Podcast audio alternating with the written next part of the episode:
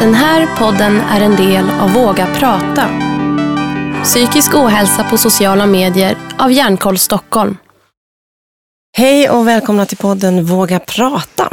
Susanne heter jag och jag sitter här idag med Jasmine. Hej. Hallå, hur är läget? Det är bra. Ja, vad skönt. Kul att du är här, tack för det. Tack för att jag får vara här. Ja, det är jättebra för vi ska prata om eh, det som heter BDD. Mm. BDD. Du har Asperger men också BDD. Mm. Och Asperger, det hör man ganska ofta och eh, har förståelse kring vad det Mm. innebär. BDD är ju inte lika vanligt. Nej. Nu får du förklara för oss. Ja. Eh, BDD står för Body Dysmorphic Disorder. Det svenska namnet är dysmomorfobi. Och eh, det handlar om att man är sitt eget fobiska objekt. Mhm, sitt eget fobiska objekt. Alltså, det låter som att då tycker man inte riktigt om sig själv eller är man rädd för sig själv? Nej. Man tycker inte riktigt om det man ser. Och Ah, det är väldigt många, eller väldigt mycket känslor eh, kring att man är äcklig eller att eh, eh, man inte förtjänar att vara ute bland folk. Att folk kommer Mm. tycka att man är motbjudande. Och väldigt mycket skam kopplat till det här också. Mm. Det ligger i samma kategori som eh, OCD. Eh, Kan du säga, berätta om OCD för de som... OCD, Obsessive Compulsive Disorder, kan vara att man måste eh, genomföra vissa ritualer varje gång man går in i ett rum eller innan man går hemifrån. Eller eh, att man alltid måste äta på ett visst sätt. Just det. Ja, det känner jag. Bra. Ja. Men vad innebär det här i ditt liv? I mitt liv så har det gett mig väldigt mycket svårigheter. I dagsläget så har jag precis avslutat en behandling för det. Mm. Så det har ju blivit väldigt mycket bättre. Det var en KBT-behandling med ERP som är exponering och responsprevention. Mm. Ehm, men det har varit väldigt jobbigt och det har varit väldigt svårt att göra vardagliga saker. Eh, som bara enkelt gå ut och träffa vänner eller ta en lunch. Eller Mm. Jag har även stannat hemma ja, mycket tidigare. Nu går jag inte i skolan längre, men Mm. tidigare från skolan. För att jag på morgonen har känt att jag kan inte gå ut idag. Vad är det du har tänkt då mer i detalj när du känner att men idag är en dag som inte känns bra? Det är att jag känner mig så äcklig och motbjudande. Ehm, att jag tycker att jag ser ut som en alien. För mig handlar det mycket om proportionerna. Att jag tycker att mitt ansikte ser konstigt ut, att jag tycker att min kropp ser konstig ut. Ehm, och jag har haft vissa metoder som jag har gjort för att det ska, ska lindra ångest. Eh, så kallade säkerhetsbeteenden. Mhm. Vad är det? Kan du beskriva? Eh, säkerhetsbeteenden är saker man gör för att tillfälligt lindra ångesten. Det kan vara att kontrollera sig väldigt mycket i spegeln eller undvika speglar helt och hållet. Det kan vara att eh, ta jättemånga selfies eller aldrig vara med på bilder. Eller byta kläder flera gånger. Ehm, och lite sådana saker som man gör ehm, för att tillfälligt må bättre men i längden så lär man hjärnan att det här upplevda hotet, alltså ens utseende, är så pass riktigt att vi måste göra någonting åt det. Det. Och sen när man gör det och får då den tillfälliga ångestlindringen så hamnar man i ett beteende där man till slut blir väldigt man blir väldigt liksom instängd. För att allting handlar om att genomföra de här beteenden. Och man har svårt att, att vara här och nu. För att man hela tiden oroar sig och tänker på sitt utseende. Mm. Och så blir det den där onda cirkeln som man inte kommer ur, som blir den där Mm. Precis. Mm. låsningen som du beskriver väldigt bra. Ehm, och vad, hur har din vardag kunnat se ut då? Ja, min vardag har väl kunnat se ut så att jag delvis har isolerat mig väldigt mycket. Eh, för att det har varit jobbigt att möta människor. Eh, både de som jag känner sedan tidigare och nya människor. Eh, det har tagit väldigt lång tid innan jag ska gå och träffa kompisar. Eller innan jag ska gå ut på krogen och ha kul. Ehm, och det, det är inte hållbart i längden. Och, och inte kunna göra saker och ting spontant. Eller när man väl är i stunden inte kunna fokusera något annat på hur ser jag ut. Mm. Eller så fort någon tar fram en mobil så har jag instinktivt, åh gud nej, Mm. inga bilder. Eh, och den stressen och ångesten har ju lett till att jag har dragit mig undan. Mm. När du väl sen har kommit ut, till exempel på krogen som du säger då. Har du kunnat släppa det då? Nej, alltså då har ju många säkerhetsbeteenden eh, fortsatt. Eh, delvis med vilket val av kläder Mm. som, som jag har på mig. Eh, var kan jag hitta speglar? Var kan jag kontrollera att jag ser bra ut? Kan jag ta selfies för att se hur mitt utseende ser ut? Mm. Eh, och en väldigt stor grej för mig har varit återförsäkringar. Både till min partner och till vänner. Och en återförsäkring är att man ställer frågan, ser det här konstigt ut? Ja, just det. Är du säker på att mitt smink ser okej ut? Eh, ja, men vill jag ha det inte, bekräftat, Ja, liksom, sådär. men jag Ja. ser inte tjock ut i den här. Mm. Och så vill man höra, nej det gör du inte, allting ser bra ut. För att det just ger den här tillfälliga ångestlindringen då. När, när upptäckte du det här själv? Jag tror nog att jag fick min BDD ungefär 11, 12, 13 där någonstans. Ja. Eh, Jag har ett minne av att jag satt på någon, någon lektion och tittade i boken och så pratade vi om, eh, om en olika psykiska problem. Och I att- skolan? Liksom. Ja, i skolan. Mm, okej. Och att det då fanns en liten inforuta om BDD. Jag tror att det var på samma sida som med anorexi. Ehm, och allt, vartenda ord som stod i den lilla inforutan var så träffande. Så jag vände mig till, till min kompis och sa, men har du läst det här? Det här är ju jag. Och hon nickade instämmande. Eh, Men sen var det som att min, alltså min problematik med mig själv och min kropp har försvunnit i allt annat. Eh, idag är jag 21 och jag fick min Asperger-diagnos när jag var 19. Mm. Och det har varit så himla mycket med den. Och att det mer har varit som den här generella ångesten. Och att motståndet att gå till skolan inte bara har berott på BDD. Nej. Det har varit en del i liksom en, större, en större bild Ja, som du har. Mm. precis. Eh,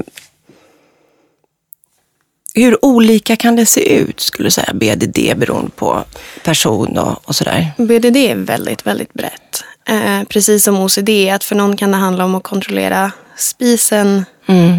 tio gånger och för någon annan så kan det handla om att alltid gå på ett visst sätt. Alltså det, det är väldigt, väldigt olika. Eh, för vissa handlar det om håret, eh, för andra handlar det om hy, specifika kroppsdelar. Eh, det är vanligast att ha problem med ansiktet, eh, ögon, näsa, mun. Ehm, och det kan, det kan te sig väldigt, väldigt olika. Eh, som jag sa innan, vissa undviker speglar helt och hållet. Andra tittar sig överdrivet i dem. De som har problem eller har BTD kring sitt hår räknar ofta hårstråna som de tappar. Okej. Men gemensamt så är det att det är väldigt så här, rigorösa rutiner Mm. eh, kring sin upplevda defekt. Eh, som handlar om att ja, men då lindra ångesten man har kring den. Vad skulle du säga gränsen går? För jag tror många kan känna igen sig i, i delar av det som du beskriver. Oavsett om man har en diagnos eller inte. Och vi lever också i en väldigt så självreflekterande tid. Bildmässigt inte minst. Eh, och jag tror alla liksom står på dagen. Så, ja, man håller på och fixar och grejer. Och man är orolig för liksom att åh, syns min haka för mycket i den här bilden och så. Men vad skulle du säga går gränsen när det, man märker att det tar för mycket av ens tid? Ja, det är väl just det. Alltså mängden tid som man lägger på det. Och Mm. framförallt om det hindrar en i, i det vardagliga livet. Har man svårt att gå till skolan, har man svårt att gå till jobbet, svårt att träffa vänner på grund av de här tankarna kring, kring sin upplevda defekt. Ehm, har man svårt att bete sig normalt när man är ute? Söker man hela tiden speglar eller bekräftelse? Eh, har man svårt att vara delaktig i samtal för att man tänker så pass mycket på hur man ser ut? Mm. Ehm, Så att jag skulle säga att, att det är skillnaden just eh, skulle säga att det är skillnaden just hur mycket, hur mycket tid man lägger på det och vilka problem som det ger. Mm. Och då när du, eh, du läste detta inför rutan, eh, när du satt där i skolan. Eh, och det måste ju vara ganska drabbande kan jag tänka mig när man ser, bara, shit det här är ju jag. Liksom, att man ser. Jag vet inte om jag tog det så allvarligt. Nej. Och jag tror att det är väldigt vanligt, eh, eller det har vi pratat om i, i den behandlingsgruppen som jag var i, att man tror att alla har det så här. Mm. Mm. Man tror att alla lägger ner fem timmar om dagen på att tänka på, på en viss kroppsdel eller på sitt utseende. Att alla kontrollerar sig i speglar på det här sättet. Mm. Så att jag tänkte nog aldrig på att det här skulle vara, vara mer seriöst än något annat. Liksom. Ehm, Men hur, vad hände sen? Alltså, tog du hjälp på något sätt? Började du prata med andra om det så att du blev ledd till att få hjälp? Såg det? nej, det var inte så det såg ut för mig. Nej. Det var en ganska krokig väg för mig. Ehm, det var ingen som riktigt märkte att jag hade någon form av problem. Ehm, det yttrade ju sig att jag var väldigt ja, men lite utåtagerande i skolan. Jag bråkade mycket med andra elever, störde andra elever. Eh, jag tror inte att jag sen fyran kanske har gått en hel skolvecka i skolan. Jag var alltid hemma en eller två dagar. Eh, men jag var högpresterande under hela den här tiden. Så trots att jag gick mindre i skolan så var betygen bra. Och då var det ingen som fångade upp det här Ja, beteendet.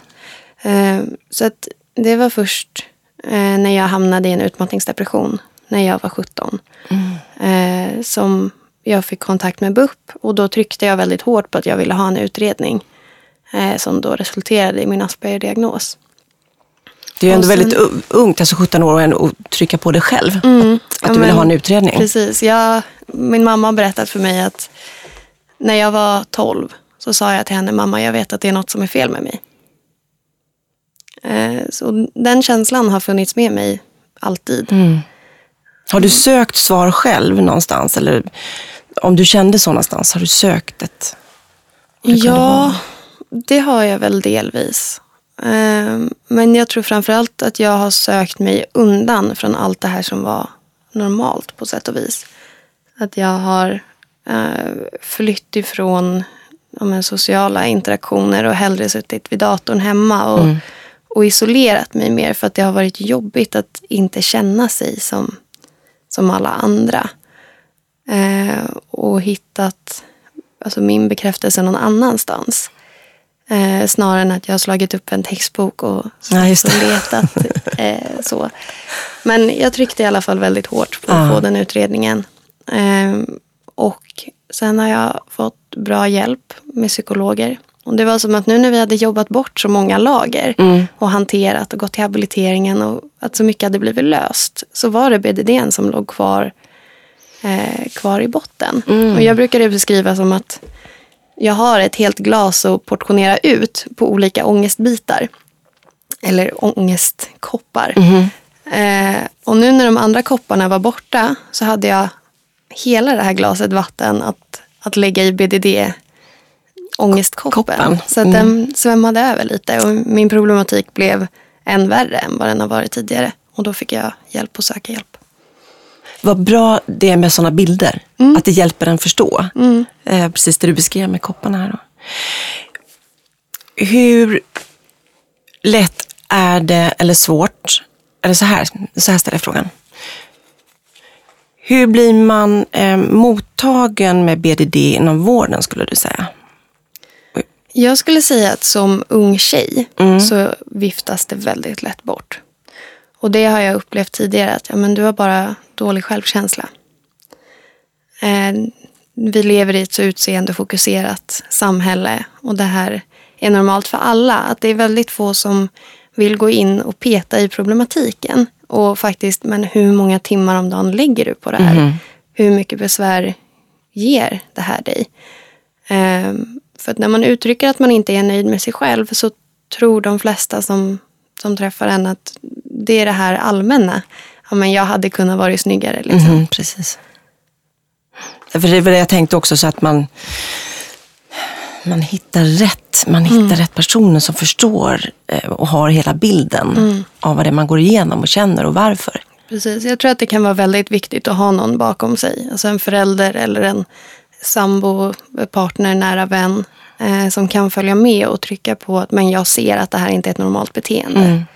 Ehm, och, och ta den fighten lite åt den. För det, man vill ju inte vara konstig. Och man måste må ganska bra för att få hjälp. För, att, för att vara påstridig om det. Så Kan du beskriva ditt läge idag? Hur menar du? hur, hur tar det sig uttryck för dig idag och hur mår du? Och så? Ja, nu är ju min behandling precis avslutad. Ja. Vi har en uppföljning om tre månader. Eh, och det är nu den riktigt jobbiga fasen för mig har kommit. Eh, för nu har jag lärt mig mycket, fått mycket verktyg. Mm. Eh, och det är nu som jag verkligen måste ta ansvar för att sätta igång det här jobbet själv. Mm. För att det är ingen som kommer exponera, alltså utsätta mig för de här jobbiga situationerna om inte jag själv Om går in i dem. själv gör det. Mm. Det är ingen som kommer fixa den här KBTn åt mig. Vad tänker du om det då? Det är fruktansvärt jobbigt. Det är det verkligen. Att vara helt ansvarig för, för sitt eget mående när allt i hjärnan skriker att jo, men du behöver kolla dig i spegeln så här många gånger. Och försöka skrika tillbaka att nej, det ska jag inte. Ja. Så jag har döpt alla de här tankarna till att de kommer från BDD-bitchen. Ah, BDD-bitchen. Go away. Det är den här tjejen som man träffar ute på krogen som kollar lite snett på en och typ, ja men du ska inte vara här. Lite så. Och, och gå med henne på axeln hela tiden. Det är, det är bara att försöka att inte hamna i en argumentation. Nej, just det, det är bra. Du får sitta där och skrika, jag kan ha kul ändå. Ja. Jag kan må bra ändå. Underbart att höra. Har du fler exempel på verktyg som du använder och ska använda? För mig har det varit väldigt hjälpsamt att eh, behandlingen erbjöd en närståendeutbildning. Mm. Eh, som både ett boendestöd till mig gick och eh, min mamma och min sambo gick. Eh, för att få dem förstå eh, bredden av det här problemet. Och för det är så, i alla fall för mig, så pass lite som syns på utsidan. För jag kan bete mig normalt men är ganska paralyserad av de här tankarna. Eh, och sen verkligen ta, ta stöd av min sambo. Mm. Och säga åt honom att om jag frågar dig, ser jag bra ut? Så får inte du svara. Om jag Ah. börjar byta kläder, så ta tag i mig, säg stopp, ge mig tröjan jag slängde iväg och så går vi ut. Mm. Eh, så Det där är jag- ju jättebra grejer att veta. Ja, och det, jag tror att det är viktigt att Jag tror att det är viktigt att kommunicera eh, det här till de som är nära en. För det är så tungt att bära själv. Ja. Och kan man få den lilla hjälpen i att någon säger jag ser att det här är jobbigt. Hur kan vi, hur kan vi lösa det här? Det ger så väldigt mycket. Jättebra bild. eh, Och det du pratar om nu med liksom hjälpen, eller hur viktigt det är med närstående runt omkring. För jag tänkte på det också, vad som kan trigga. Eh, Just att vara närstående, eh, man vet ju inte ibland vad det är som triggar. Nej. Just när man får den frågan, ser det här bra ut eller är jag, jag har för stor Precis. rumpa här? Så svarar man ju för att man är så van att svara. Ja, och triggers kan se så väldigt olika ut Ja. för, för olika människor. Det kan vara att, att då möta sin spegelbild eller känna att man ser något fel i spegelbilden. För mig handlar det mycket om att jag jämför mig mycket med andra människor. Mm, det är klart. Så om jag är på gymmet och ser en tjej som är väldigt nära mitt ideal, då vill jag gå hem för att jag känner mig så väldigt ful i jämförelse. Och triggers kan verkligen vara olika. Mm. Men har du verktyg för det också nu? Eh, Jag har du- fått verktyg men här om veckan så, så grät jag mig igenom ett helt gympass. Jag eh, var tillsammans med min sambo på gymmet, körde ett set, började gråta, körde nästa set, började gråta och höll på så i över en timme. Eh, och det är bara att försöka att kämpa på inte gå hem. Nej, för du gav inte upp där. Du liksom, som Nej. sagt, det låter hemskt, alltså gråta sig igenom och du tog ett set Ja. eh, i taget och ändå genomförde du det. Det gjorde jag. Hur var det efteråt då? Jag var väldigt trött efteråt. Mm. Men där är det också väldigt fint att ha en sambo som säger, men du gick ju inte hem. Du stannade ju. Du gjorde allt som du skulle. Ehm, och det är lite som att, ja, men den här, det här glaset med vatten igen. Att det är som att nu är ångesten uttömd. Mm, nu måste vi vänta tills den har fyllts på igen. Så det är ju en, en, en liten känsla av lättnad precis efter. Eh, Men det handlar ju om att lära sig också att trots att jag hade alla de här tankarna på gymmet, trots att jag såg mig själv i spegeln och tyckte att det är en alien som står här. Jag förstår inte hur jag ens tillåts vara här, liksom, för att jag ser så konstig ut. Så hände ingenting illa. Just det. Det, det måste min väl- sambo är fortfarande med mig. Ja. Jag har mitt gymkort kvar. Jag är välkommen på gymmet. Allt sånt. Eh, det var ingen som kom och skrek i mitt ansikte att jag är ful eller dålig. Det är jätteviktigt kan jag tänka mig att se på de mm. delarna som liksom kvarstår, som inte har gett, det, det, det har inte hänt någonting annat drastiskt runt omkring. När ångesten ändå uppstår, mm. har du något särskilt verktyg för det? Jag försöker att, leta mig fram till ett. Um, man vill ju väldigt, väldigt gärna ta till sina säkerhetsbeteenden. Mm. För det är tryggast? Det är tryggast, mm. ja. Och där vet man, där känner man kontrollen. Yes. Det är mycket det det handlar om, just den här kontrollen. Um, men för mig så har det handlat mycket om att se till att jag har sovit och mm. ätit. Um, och sen även kommunicerat. Nu har jag de här tankarna. Kommunicera till andra runt ja, omkring dig just då? Mm. Mm. Men allting går ju ut på att inte göra sina säkerhetsbeteenden. Så mm. det är egentligen bara att försöka hitta aktiviteter som man kan göra istället. Ibland kan det hjälpa att bara resa sig upp och sätta sig någon annanstans. Just det, byta lite perspektiv ja. rent fysiskt. Precis. Mm. Eh, eller kanske titta på en Youtube-video om något som man faktiskt tycker är intressant. Eller lyssna på en podcast. Eller någonting som man kan bli lite eh, uppslukad av. Mm. Eh, det kan vara ett mobilspel eller vad som helst. Det har hjälpt för mig. Mm.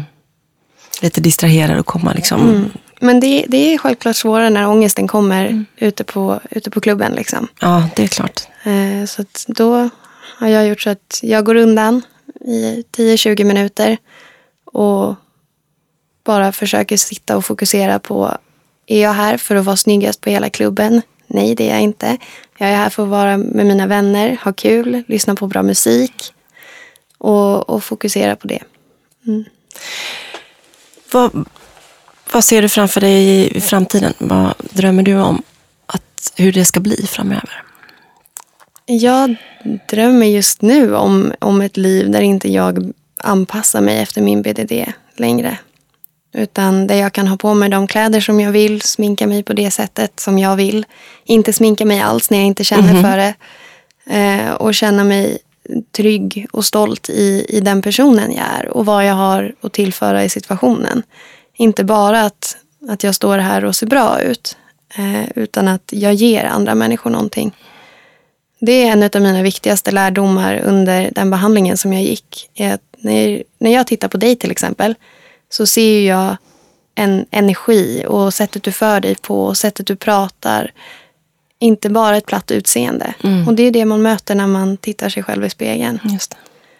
Och då är det inte konstigt att man inte ser så väldigt intressant ut. Mm. När man inte får de, alla, de, alla de här andra bitarna Precis. av en person. Mm. Så att jag hoppas att, att jag lyckas kämpa mig igenom den här behandlingen nu. Helt och hållet. Mm. Eh, och sen antar jag att det kommer bli. Jag menar jag har haft det här sedan jag var, ja men säg 12. Mm. Idag är jag 21. Det är nio år. Mm. Och en behandling på 12 veckor i förhållande, det är inte särskilt mycket. Eh, så det kommer nog bli en lång fight. Men jag har kommit till en punkt där jag vill bli fri från det. Och inte, jag orkar inte ha det så här längre. Och det är så som jag vill leva fram, framöver. Liksom. Du känns ju väldigt stark, väldigt målmedveten och väldigt formulerad kring vad du går igenom. Mm. Så jag tvivlar inte på det en ynka sekund någonstans. Tack. Verkligen. Tack. Det här kommer gå strålande. Tack. Eh, som ett sista avslut, ehm, vad skulle du tipsa andra som känner igen sig i det här mm. att göra?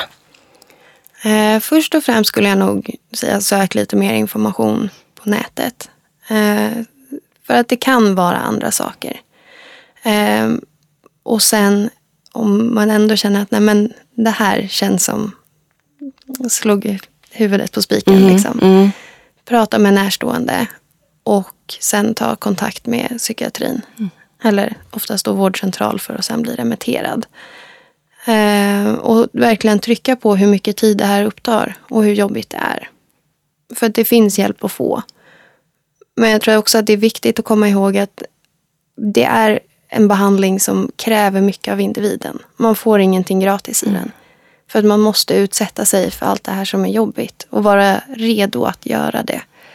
Eh, och fram tills att man är redo kanske man kan få en psykologkontakt som kan stärka upp en i andra, andra delar eller reda ut andra problem som man har i livet. Så absolut ta, ta kontakt med vården. Mm. Jasmine, du uttrycker så bra på flera olika sätt vad du går igenom och ger oss eh, bra bilder. Eh, och du känns väldigt insiktsfull och välformulerad kring allting. Tack. Eh, om du hade varit utan allt det här, Mm. vem hade du varit då? Jag tror att det är väldigt svårt att säga. Ja, det är det ju. Det är väldigt svårt att säga. För att, eh, ja, men säga autismen är, är en del av mig. Jag hade inte varit den jag var utan den. Eh, samma med BDDn. Jag hade inte haft den bakgrunden som jag har haft, som har format mig idag utan den. Eh, hade jag velat ta bort de jävligaste stunderna? Absolut. Mm. Hade jag velat ta bort insikten om mig själv och om andra och hur rikt ett känsloliv kan vara och hur ni- unika vi är som individer? Nej, det hade jag inte. Nej. Så det, det är väldigt komplext. Ehm, det är lite som att fråga, hade du velat ta bort din, din barndom och fått en annan? Kanske, för några. Men man hade inte varit den man är idag. Utan.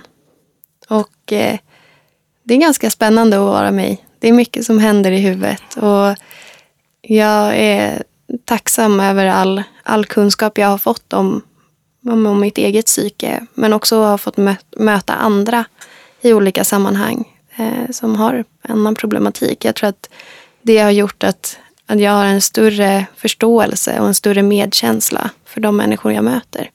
Hur viktigt är det för dig att, att dela just den, den insikten och den, den känslan du har för det?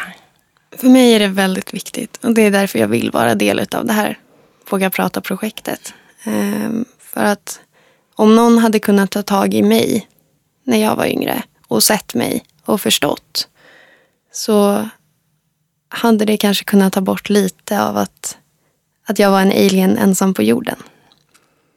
Och om jag kan vara den andra alien för någon annan så, så är jag mer än lycklig. Tack Jasmin. Vill du veta mer om oss på Våga Prata? Gå in på www.vagaprata.nu. Våga prata görs med hjälp av produktionsbolaget Munk. Vissa saker, de går i kras. Du kan slå dem sönder och se alla bitar